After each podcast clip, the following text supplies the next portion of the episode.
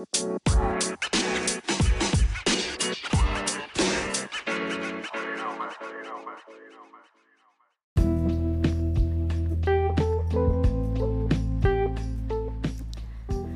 Sobat Kepo, selamat datang di episode 2 Secret Talk Podcast. Shh, jangan kasih tahu siapa-siapa. Hai hai, selamat pagi, siang, sore, atau malam Kembali lagi sama aku, siapa lagi kalau bukan Putri Kumala Nah, episode kali ini aku mau pembahasannya sih agak serius ya aku akan ngebahas tentang dunia perkuliahan.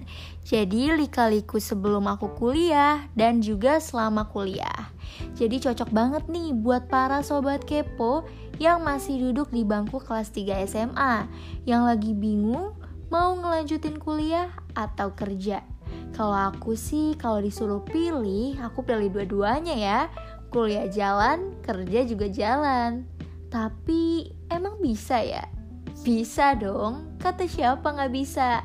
Semua akan aku bahas di sini. Jadi, simak podcast ini sampai selesai ya.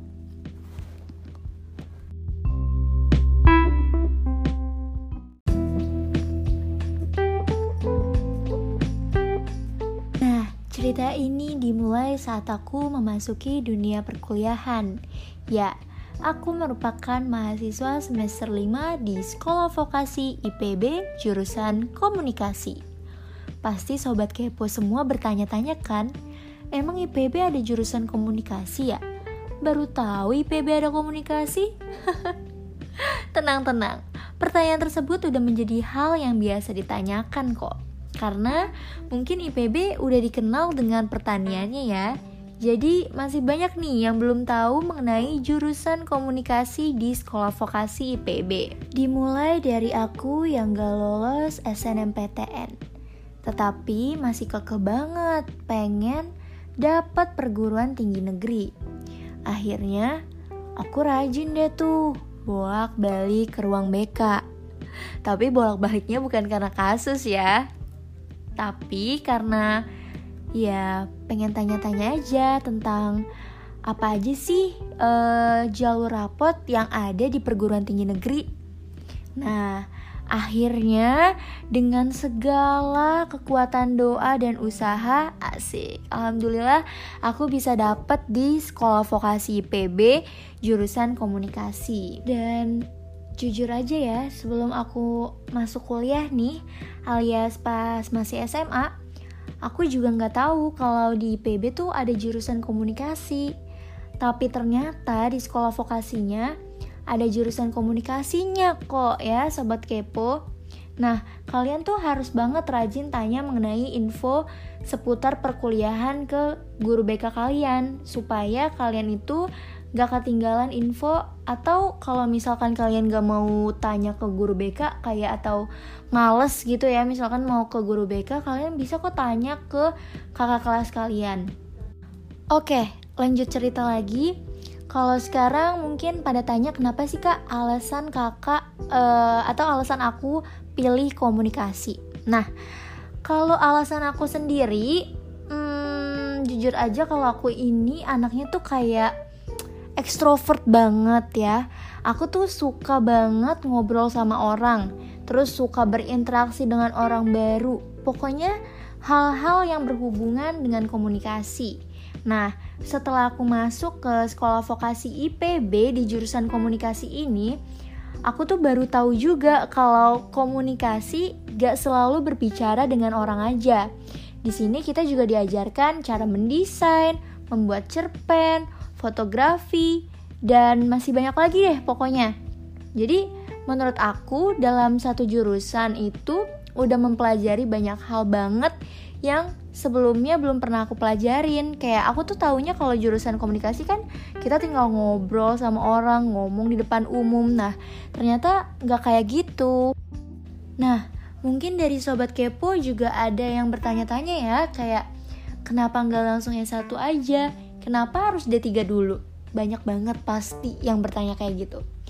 Nah, di sini aku juga mau meluruskan perspektif sobat kepo yang seperti itu. Menurut aku, semua hal tersebut kembali ke diri kita masing-masing. Bukan berarti yang cuma D3 akan susah dapat kerjaan.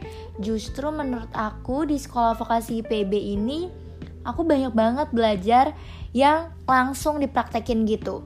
Karena kalau dari aku sendiri nih ya, aku tuh orangnya uh, sedikit susah kalau hanya belajar mengenai teori tapi kalau misalkan aku dibarengin dengan praktek langsung, aku tuh cepet banget nyambungnya. Dan menurut aku juga dari praktek inilah yang bisa membuat skill-skill dalam diri kita muncul. Bisa tahu kemampuan kita di mana, terus juga bisa belajar hal baru yang sebelumnya belum pernah kita coba. Jadi uh, semua itu tuh balik lagi ke diri kita masing-masing. Nah, terus tadi kan aku juga menyinggung mengenai kuliah sambil kerja.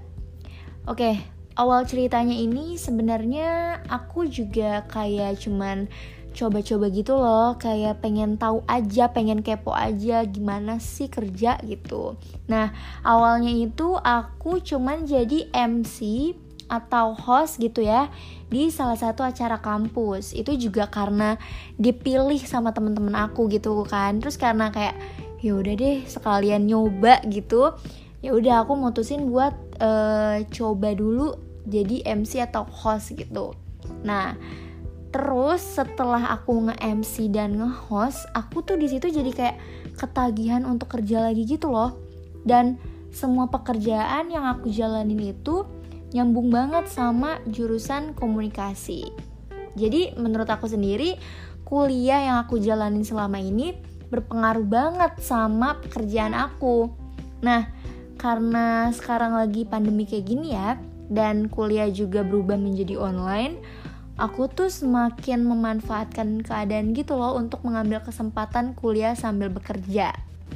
Tetapi kalian juga harus bisa ya membagi waktu antara kuliah dan juga kerja.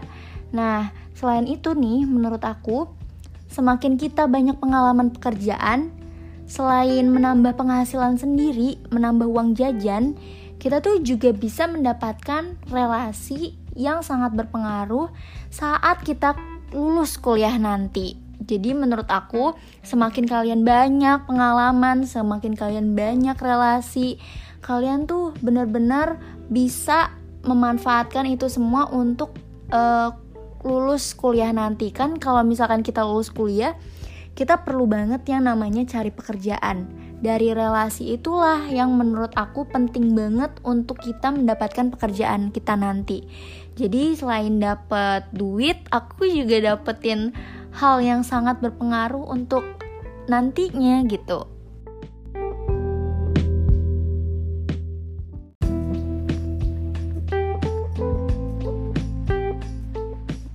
Jadi, inti aku pada pembicaraan kali ini, kalianlah kalian sendiri gitu yang menentukan untuk masa depan kalian. Kalian gak perlu dengerin apa kata orang kayak lo mendingan kayak gini kamu mendingan kayak gini itu nggak perlu kalian dengerin kalian yang paling penting itu ikutin kata hati dan juga kemampuan yang kalian milikin Jangan sampai karena suatu tuntutan atau karena suatu paksaan kalian tidak bisa menjalani dengan sepenuh hati. Dan menurut aku nggak semua harus sesuai standar kayak contohnya harus S1 atau harus sarjana dan lain-lain. Justru ya, dengan banyaknya praktik langsung di kehidupan kita, itu lebih mempermudah untuk ke depannya. Jadi, pesan dari aku, kalian semua nggak boleh insecure, tetapi harus bersyukur.